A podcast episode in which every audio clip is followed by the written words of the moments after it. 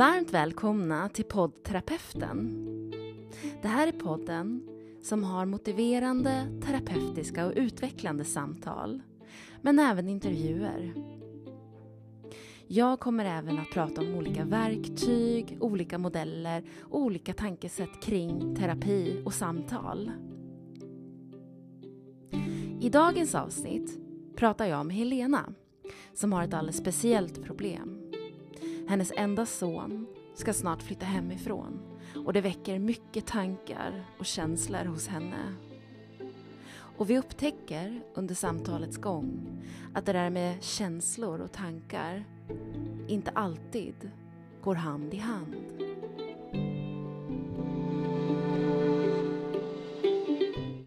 Hej Helena! Hej! Vad skulle du vilja prata om idag? Ja, idag tänkte jag få prata om min son faktiskt. Mm, Okej. Ja, min, min tonårs... Eller han är ju inte tonåring mer, utan han är ung vuxen. Mm, Eh, och han är på väg att flytta hemifrån. För mm, att han, han är ju, han blir 21 i december, så att jag vet ju att det kommer att komma.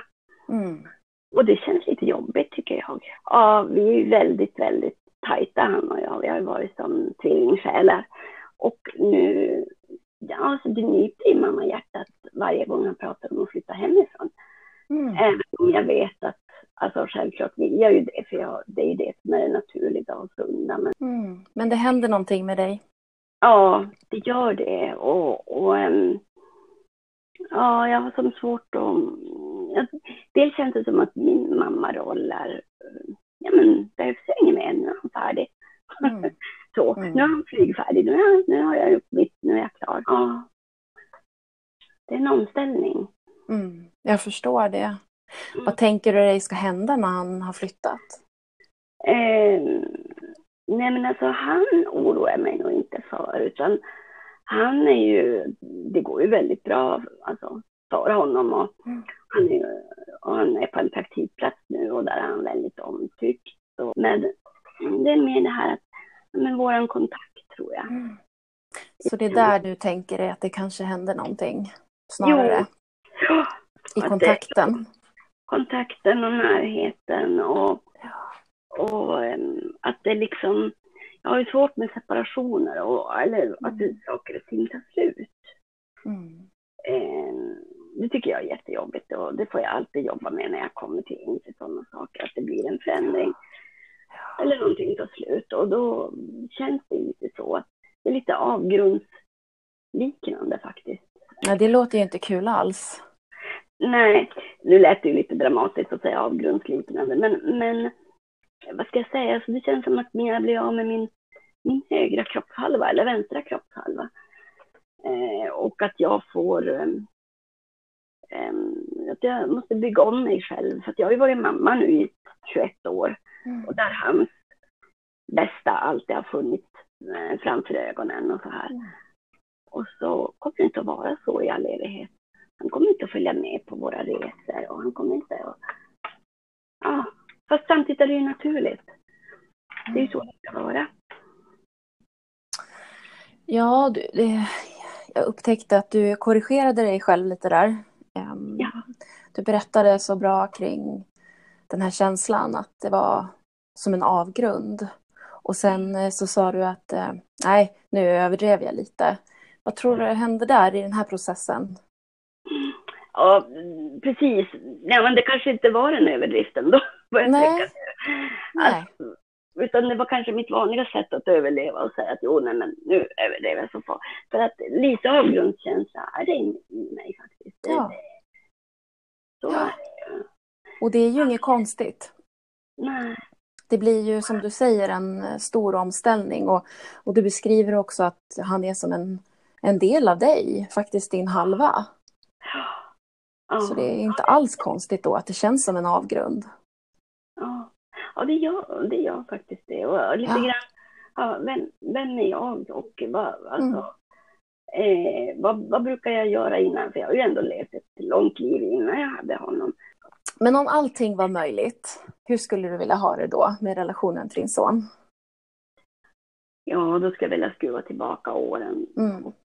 leva. Alltså, småbarnsåren var ganska jobbiga för då mådde inte jag bra heller. Så men jag skulle vilja ha ändå de där dagarna när vi har ja, men, suttit och, i soffan och ätit sushi och tittat på eh, mordhistorier och när vi har farit och kört bil. Mm. En period får vi och körde bil runt, runt, runt, runt i stan. Och att han, vi pratade så bra i bilen tyckte han. Och här tänker jag att det finns ju saker som du beskriver nu som du fortfarande skulle kunna göra. Eh, ni kan bestämma till exempel en dag när han kommer över och ni har eran middag. Till exempel. Ni kan fortfarande köra runt i bilen. Jo, för jag vet ju det att han kom ut, det har du ju rätt i faktiskt, det har jag inte tänkt på. Men det är sant, för jag vet ju också att han kommer inte att flytta långt. Nej. Som det verkar så kommer han inte att flytta liksom till en annan stad eller sådär, utan han kommer nog bli kvar här. Att, mm. Finns det något mer som du skulle kunna göra som plockar russinen ur kakan i relationen som du beskriver, som du, som du kan fortsätta att göra? Mm. Ja, men fara och resa kan man ju göra ändå. Mm. Eh, det är ju fullt möjligt faktiskt. Mm. Mm. Och egentligen om jag tänker, sen vi flyttade så, vi bor ju, vi tagit över mitt föräldrahem, så vi har ett ganska stort hus. Mm. Det innebär att han är ju större delen av tiden är han på nedervåningen i källaren. Mm. Jag är på övervåningen. Ja. Det innebär att ja, det kan gå en hel dag och vi inte ses. Det kan gå, ja, men typ han kommer hem vid lunchtid från jobbet och då kan det vara först vid middagen som vi ser varandra. Men din känsla är ju ändå att han är där. Mönstret kommer förändras utifrån att när ni ses då, då kommer ni få satsa mer krut på att ha mer kvalitet snarare än kvantitet. När man väl ses då, då blir det ju verkligen de här guldkornen istället. Man tar, ju, man tar vara på, på när man ses istället på ett helt annat sätt. Bara min vanliga separationsångest som gör att jag tycker att det är, eller ja, att jag går in i någonting nytt nu. Mm. Eller ja, Landar det rätt när du säger att det handlar om din separationsångest? Ja, på något vis så, så gör det ju det. För att, eh, ja, jag vill ju inte att han ska bo i mammas källare i resten av livet. Alltså det, det känns ju inte okej okay, heller. Nej. Och som han säger själv, så säger han, men det blir ju, det blir ju precis som när vi åker till mormor och äter. Vi gör ju det fortfarande och äter, äter mm. med min mamma på söndagskvällarna. Mm. Alltså det blir samma sak, då kommer jag till mm. Och vi just det. Ja, så att han är... Ja, just det. Ja, och där, där bekräftar han egentligen det vi redan har pratat om. Det. Han är ju redan inne i den här med att ni ska hitta nya sätt att umgås, så att det blir de här guldkornen istället. Vad, vad roligt ja. att han redan har gjort det steget i sin process. Men, men, det, men om jag hör dig rätt så, så är inte riktigt du där än. Nej, och jag vet inte riktigt om jag någonsin kommer att komma dit, eller på säga. Om jag kommer att vara där heller förrän det händer, höll jag på att säga. Eller ja, jo, men någon gång måste jag väl vänja mig, tänker jag. Men, men eh, varje gång han har bytt något stadium eller bytt någon period i livet, alltså från förskola till årskurs ett, från mellanstadiet till högstadiet, högstadiet till gymnasiet, då har jag dippat själv i mitt mm. mående. Mm. Okay. Det är ju möjligt att det är en, en vanlig klassiker, en sån variant att jag dippar. Okej, okay, så vi har ett, ett mönster här av um, separationsångest som du beskriver och sen också ett mönster av att det faktiskt har hänt att du har dippat när han har när det har förändrat saker i er relation, rent praktiskt, rent logistikmässigt. Så då sitter ju du faktiskt med en upplevelse redan av att du har mått dåligt när det här, när det här inträffat. Kan det vara det som, har trigg, som liksom nu triggas igång? Ett minne av att hmm, det var inget bra förra gången? Så... Kan det väl i och för sig. Eh, fast nu så här efteråt kan jag skratta mest åt det då, för att det var, det var ju nästan pinsamt. Jag hade beställt ja, men, tio så böcker om så bemöter du din tonåring och så satt mm. jag och tjöt som lille skutt över böckerna om hur jag skulle bemöta min tonåring. Mm. Det var ju väldigt, eh, de, min familj de skrattade bara åt mig ungefär som att nu får du ju skärpa till dig, det här är ju mm, okay. Inte klokt. Du beskriver en känsla som är reell för dig. Um, som ett, en, en halva som försvinner, en avgrund. Och det är också kopplat till tidigare händelser där du har, som du säger, dippat. Mm. Och där också din separationsångest kommer in. Mm. Och allt det här känner du och upplever.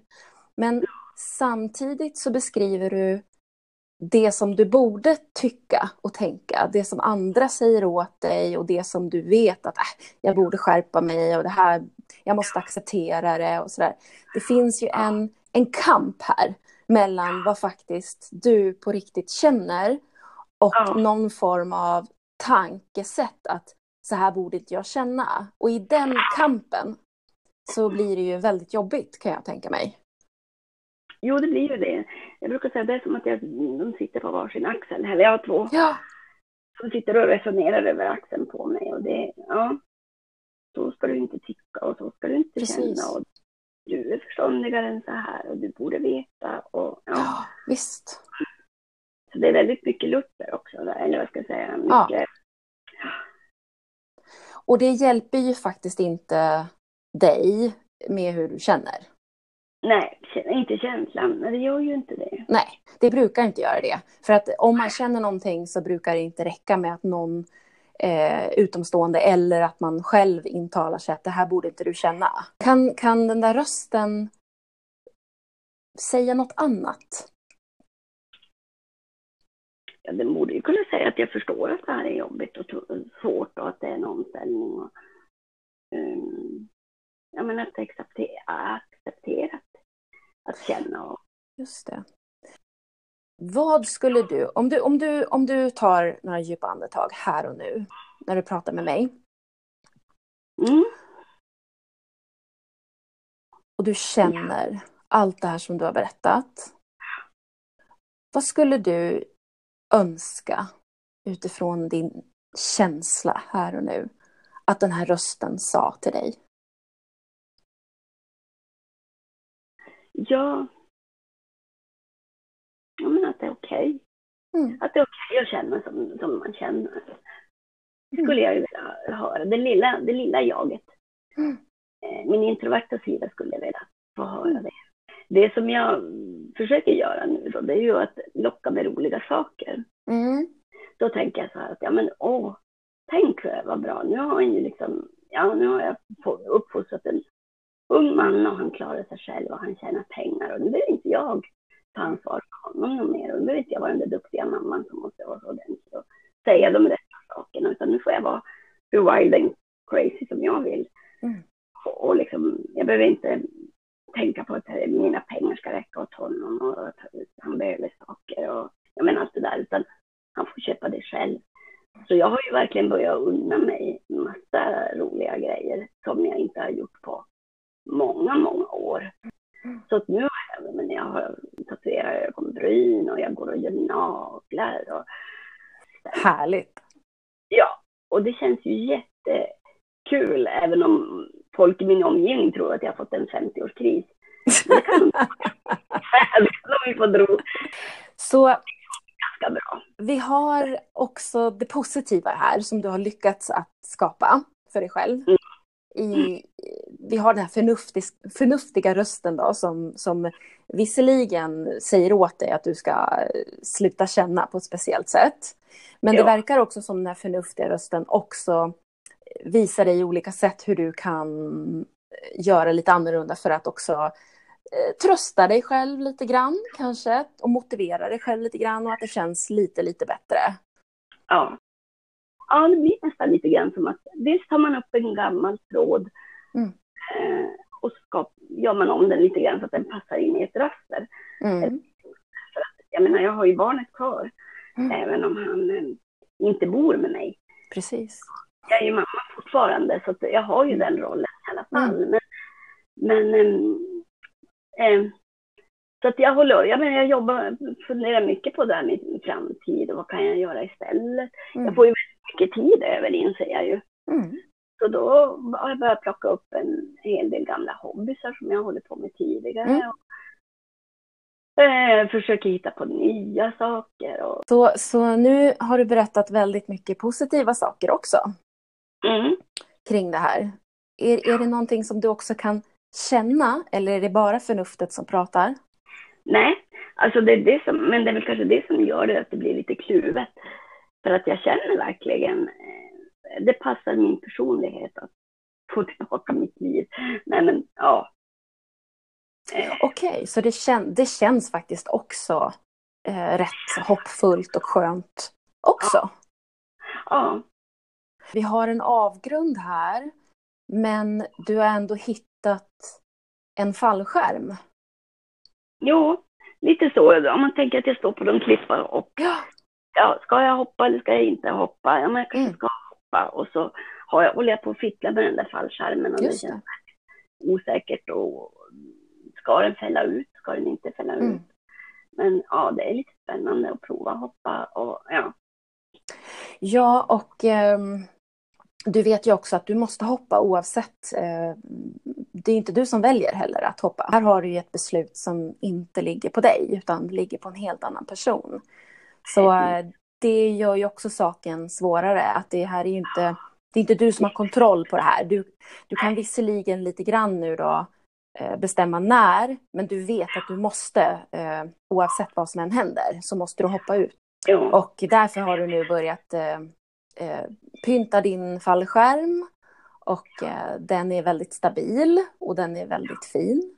Och du har verkligen ansträngt dig för att du har kollat nu att den är säker. Ja. Och du kan egentligen inte göra så mycket mer då, just nu. Och det är kanske är en annan bit av det här, för jag är också en person som eh, är väldigt kontrollbenägen. Mm. Och nu har jag inte, det här har jag inte kontroll på. Nej. Jag kan ju förstå att det också handlar om kontroll, precis som du säger. Men, men det du kan kontrollera, det är ju just eh, din fallskärm. Den kan ju du bygga helt själv. Du kan ju ha hel kontroll på den. Du kan ju till och med bygga den så att den har en extra eh, nödtamp.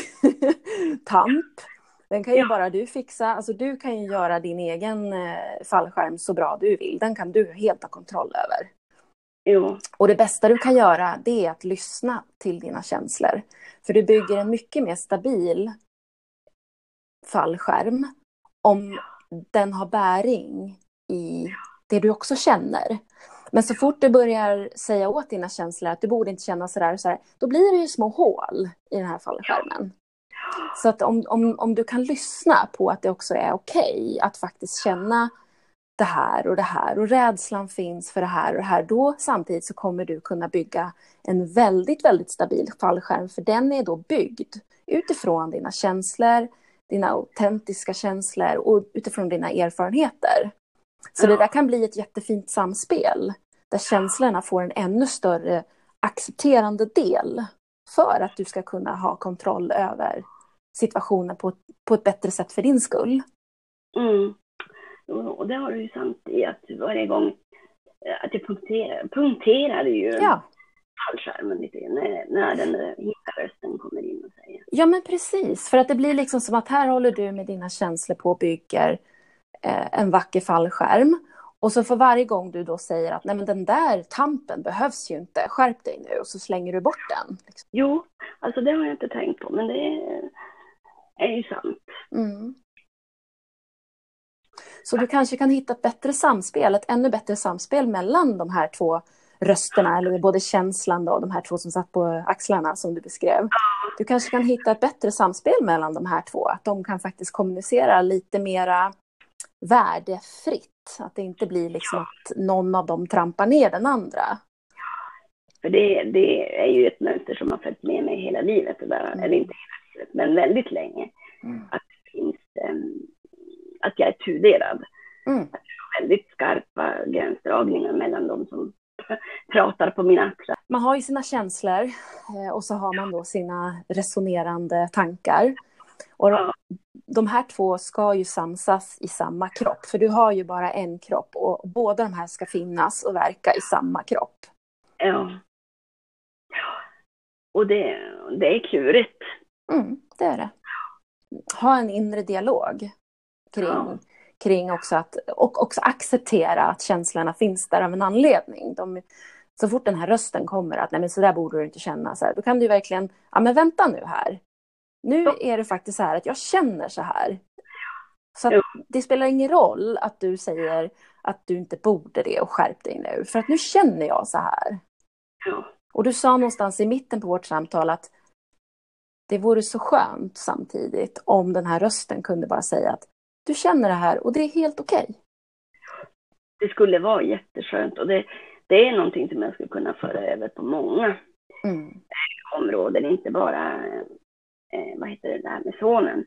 Mm. Utan, ja, och om det kunde liksom, om de kunde bli sant någon gång, det skulle vara himla behändigt och behagligt.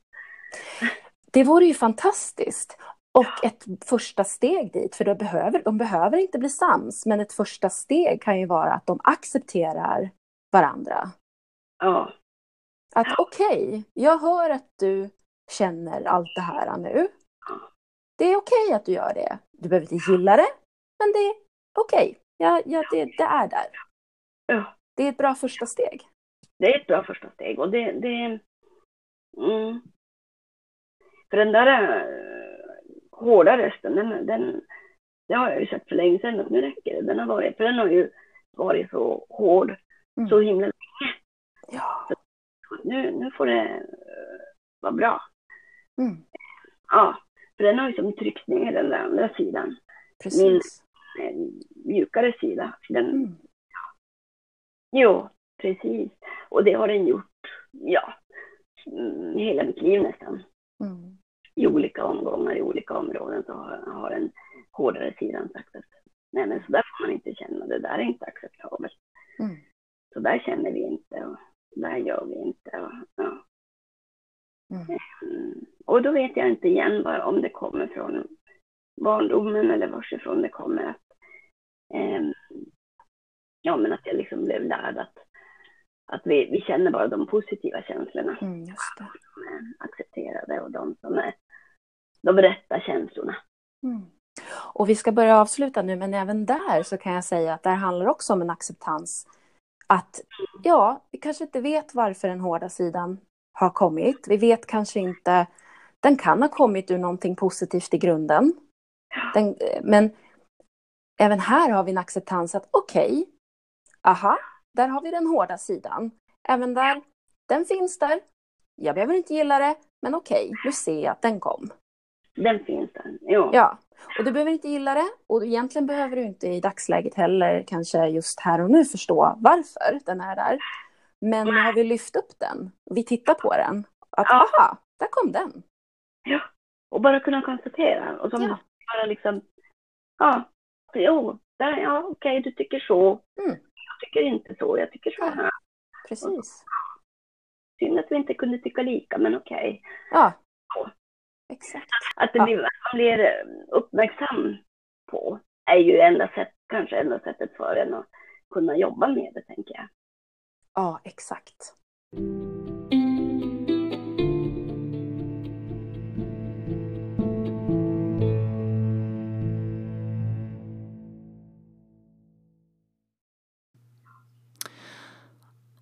Och avslutningsvis då, Helena, vad skulle du vilja ta med dig från dagens samtal?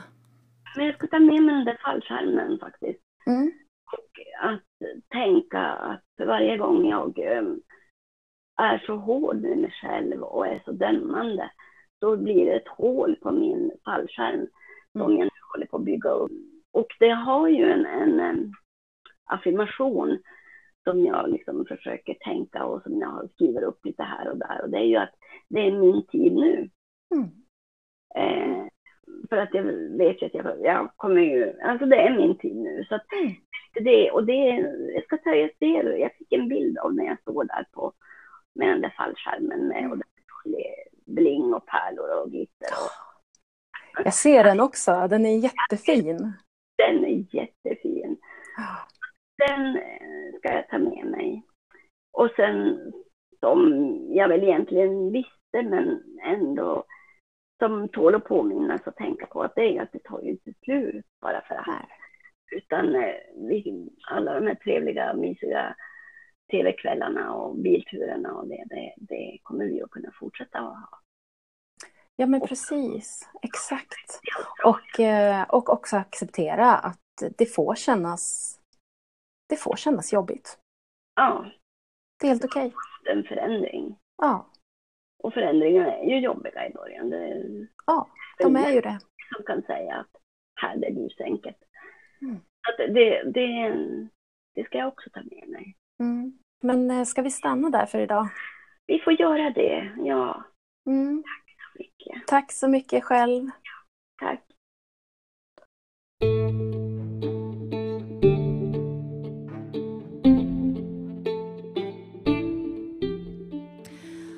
Och det där var allt för dagens samtal. Stort tack Helena för att du delade med dig och tack till er som lyssnade. Hur är det nu då, det där med känslorna, tankarna som ska samsas i samma kropp? Är de vänner? Har de kommit överens? Eller har de bara accepterat att okej, där är du, där är du och det är okej? Som ni vet är det här en nystartad podcast så ni får gärna gå in och sponsra på Patreon, poddterapeuten. Vi ses snart igen hoppas jag.